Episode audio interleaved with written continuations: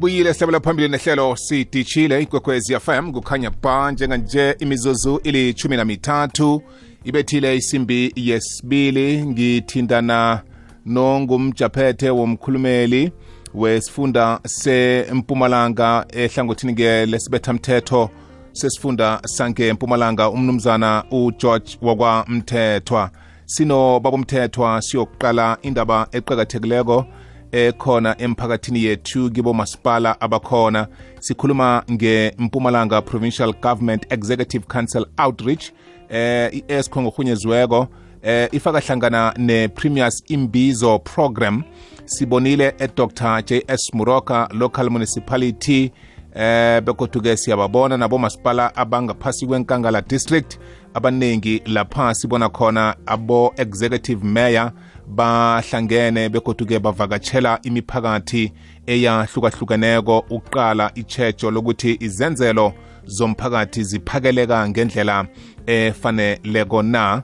Kufaka hlangana nabo MEC bethu nabo basejimeni lokuthi bazokubonakala emphakathini yethu. Asizwe ngoba bomthetho ukuthi kuhle kuhle leli jima-ke lokuphuma kuchingwe emphakathini litsho ukuthini. Babomthetho siyakwamukela siyathokoza ukuba nathi kukwekwezi FM Eh Dotshani babongane niyaphila kodwa kokwezi FM siphila kamnandi khulu babomthethwa sibuza ngakini ngesibethamthethweni sempumalanga bona niyaphila na? Hayi siyaphila siyaphila. Kumnandi ke ukuzwa lokho. Hayi nathi siyathokoza ukuzwa ngakini ukuthi niphilile nathi sisaphilile nabalaleli bethu emakhaya nabo siyathemba ukuthi baphilile.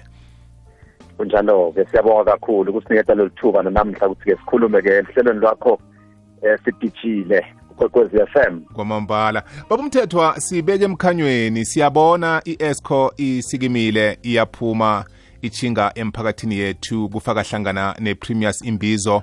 Sibonile edr j s muroka la bekuhlangane khona. Kutsho ukuthini lokhu mhlambe? Wena ke sicale sicacise lokhu-ke sikhumbude abalaleli kokuthi-ke lo hulumende ke lokhona njengamanje um uye wathi bophelele ekuthenini uyawuphumela ngaphandle abuke ke simo senhlalo the socio economic conditions eh sebantu lekungibona bona lebavotile eh bambeka ke esihlalweni uhulumende. Now lokhu lokwendakalako ke eh ngilokhu ke lekathi bophelele kuwo ukuthi ke uyawuphumela ke ebantwini ahlangane nabo abuke ke ema challenges eh lebahlangabetana nawo. Ema challenges ema challenges sekungatholi emanti eh imigwaqo simo semigwaqo abuke futhi ke nemhlago wabo eh, wokuswelakala ke kwamathuba emisebenzi kuthi ke nasecedileke ngaloko sewenda ke inhlelo letitawu responda kulawo ma challenges so kulamalanga ke lamathathu lo ke hulumende latabe yakwenda la eh, loholwa ke ngundunankulu make refile mtheni Tsipani elangeni la itolo lokwendekile la eh, babe bongane nebamameli bekwekwezi FM ukuthi ke eh, baphathiswa ke bematiko lahlukahlukene baye baphuma ke lokungesiswati lesipita ke ngekuthi ke baphume ebutimba. Baphuma ke baya ke bayohlangana ke nema communities kodwa kakhulu kakhulu ifocus yabo bekukubuka njena ema projects bakhona. For example lesikutholile ke lokuhamba phambili inkinga lenkulu yase Dr Jason Mroka eh uya esinotlelo uya eMarapiana uya lapha ke kubo kaphahla nokaning dihwale yonke lenzawo bakhala ngemandi ngaloko ke i-department ke yaka cooperative governance and traditional affairs iyathatha ke lesikhathi sayitolo ke ngekuvakashela ema projects ayalapha ke esiyabuswa waste treatment plant. Kuyothola khona ke ukuthi ke ingabe ke yini lena ukuthi ke emanti eh angatholakali kude tonke tindzawo tase Dr Jeff Rock yaphindze ke yavakashela futhi nalapha ke eVelde Frieden water treatment plant.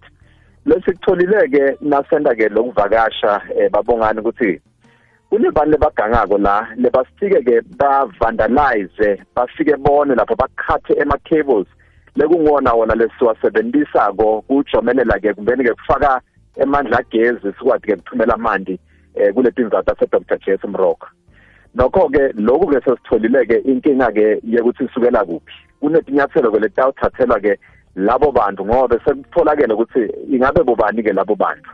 So bayawuthathela ke inyathelo temthetho ngekudala nje uyabona nje sekuboshwa abantu lekungibona bona ke lebavandalizer eh le water treatment plant. Lokunye ke lokwendekile elangeni lanamuhla nangingaphuthuma nje ngengesikhathi ukuthi ke eh umhlago kusolakala kwemisebenzi ngona ke lokho hambe futhi phambili eh kuloku lekutaba ke kubuka nguhulumende.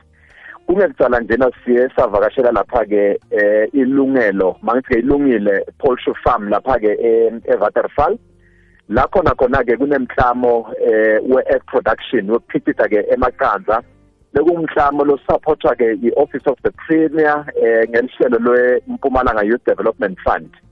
Ihola ke mlomusha ke lungilwa kamkhize bekumyena yena eh leseka creator ke mathuba emsebenzi about 18 of them ukuthi ke bantu balaba bathola amathuba emsebenzi. Okubalekile ukuthi ke leyo miklamo ngilena lekufuna isupport nguhulumende eh ukuthi ke bantu bathole imisebenzi. Ngetulu kwaloko nemigwaqo nanayo kufuna ke futhi ke ilungise langena itolo eh umhlonishwa ke umphathiswa ke welipiko ke laka public works roads and transport eh um u-MEC Lachmina Rain. Siye sambona ke nanaye aphishekile kahola lithimba lebantu ke lebalungisa ke umgwaqo lapha ke esiyabusa. Kulonye leli bekwenteka elangeni ke la itolo lapho futhi ke sesabona ke kuvakashela kwe-agri hub eh la ngumphathiswa ke welipiko ke eh letekulima i-department yaka-agriculture environmental affairs. Kunyenti lebengingakubala kodwa ke bengifuna nje kukusho kokuthi ke ngiloku lekutabe kwenziwa nguhulumende kulamalanga lamathathu kuvakashela ke ema-project e-service delivery ku-attenda futhi nema-challenges bekungiwona wona ke lena abantu ukuthi bangatholi-ke tinsita kufanele kufake nemandi then ke ngetulu kwaloko aphinde futhi axoxisane naloku lesikubiza-ke ngema-stakeholder alawo ma-departments. For example njena umhlonishwa um wetekuvikela ubaba vusi shongwe bekavakasheleke ema-police station um ala um bomamihlake emva kwaloko ke tabe seke sokhulumisana futhi ke nemalunga e-community policing forum. Eh kutholakala ukuthi ke ngiliphi likhambi lemingasetshenziswa nema-challenges lebanawo ekulwisana nebugebengu? Mhm. Kumambala babumthethwa esingakuveza mhlambe ukuthi sizokhona ukubona amachuguluko wempumelelo yokuphakelwa kwezenzelo zomphakathi nendingo la kufuneka khona. Kilamaphuzu eseliwavezile isibonelo amanzi ukuphepha njalo njalo. Ngale kwalokho ngiyacabanga ukuthi nondunankulu wesifunda sethu sempumalanga uma urefilwe emthweni tsipane. Kula azokubona khona ukuthi naye ingamhlambe ubudosi phambili anabo kucabinet yakhe. Ingakhani buyasebenza na naziza kuma-projects esiwakhulumisako la asesiqale-ke ngale project yemandi eh, yalapha-ke esiyabusa waste treatment plant. Sikwabonile-ke ama-challenges wakhona ukuthi ngwaphi. Kunebantu lebafika lapha-ke eh, bafake tidladla bajubeke emakhebula eh, umshini ongipompa amanzi ungabe usakhona kusebenza ngobe eh, umshini ngoba usebenzisa-ke emandla agezi uyasebenzisa i-electricity. Ukhathwa-ke kwalawo makhebula ngibona kanye-ke bese sikutholile kokuthi ngibona okuvimbela ukuthi-ke umshini ungakhoni-ke kuphakela eh bantu base-dr jason broker eh, emanti siyamuva in-ke ngakhona kuyi-resolver leyo ngobe sesitholile kokuthi-ke labanye babo bobani. Kungako nje kungekucala kuyaba khona-ke bantu eh, lebaboshwako eh, bavalelwe ejele ngobe asifuni-ke ukuthi kube nebantu tigebengu eh, leti-interrupta-ke i-service delivery. Okusho ukuthi-ke ingizaba imandi nayo-ke ke sesiyayingenelela lokunye-ke lesikubonile eh, babongani nebamameli bekwekwezi f m indzaba-ke yemhlago wokutholakala kwamathuba emsebenzi sengibekisile la eh, ngale poultry farm lekhona.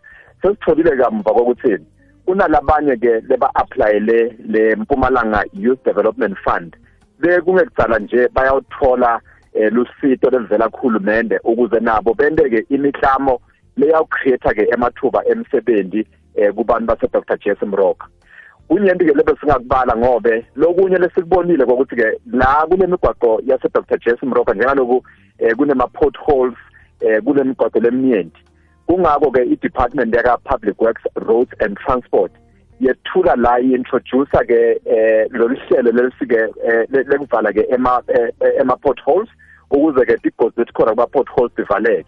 Ngekwenta njalo kuyaba khona-ke lihlelo lokuthi-ke kuqashwe bantu lebawuvala-ke lawo ma-potholes eh njengaloku-ke kulihlelo la-national department of, of, of, of, of transport elamenyetelwa-ke eh, ngumphathisa kubeke nguminister eh, fikile mbalula. Siyasebenzisana-ke nalawo ma-departments kanti-ke futhi lokunye lesikwendako akusiko kuphela kokuthi ma-departments alakhaya lahola-ke ngebaphathiswa lebakhona-ke kuhulumende wasempumalanga ukuthi-ke umsebenzi wabo kuphela. Sisebenzisana futhi nabomasipala kulokhu besebenzisana ne-Nkangala district kanjalo ke ne-Dr Jason Mroka. Siphinde futhi sisebenzisane nema-national departments ehlangothini ke lokwakhela bantu tindlu. Kunemklamo njena lo lotako la lesiyawufaka lapha ke eRaphahla ngobe sibonile ke ukuthi lenye into lekhona la iDr Jason Mroka kutholakala ke kwetindlu. Siyathi njalo ukuthi ukufuna sakhele bantu ema-RDP houses. Umhlonishwa ke umphathiswa ke welitiwo ke la ka human settlement ubaba Steve Mashilo. Elangeni la itolo bekathula ke umhlamo la kwakhwe khona tindlu lapha ke esiyabe. Bonile ke labo lebayilandzelela lendzaba ukuthi ke kunemindeni leyathola ke tindlu letishasha asigcinanga lapho kuphela.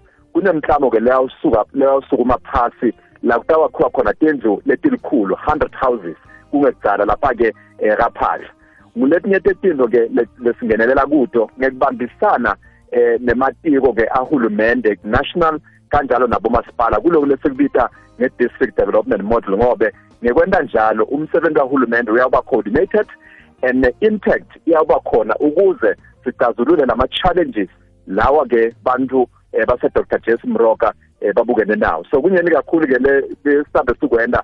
Kodwa-ke lokunye udawuva njalo ngikuhamba kwesikhathi ngoba sihlele lokho ukuthi eh kusasa ke nasihlangene ke nemphakathi lapha ke esinothelo village. Kube ngukuthi ke sithula lawo ma projects kokuthi yini lokutawendeka kwakhiwa kwetindlu eh kulethwa ke kwemanti konke lokho kuyabe ke kumenyetelwa kahle eh ngundvunankulu nebaphathiswa elangeni lakusasa lapha ke esinothelo village.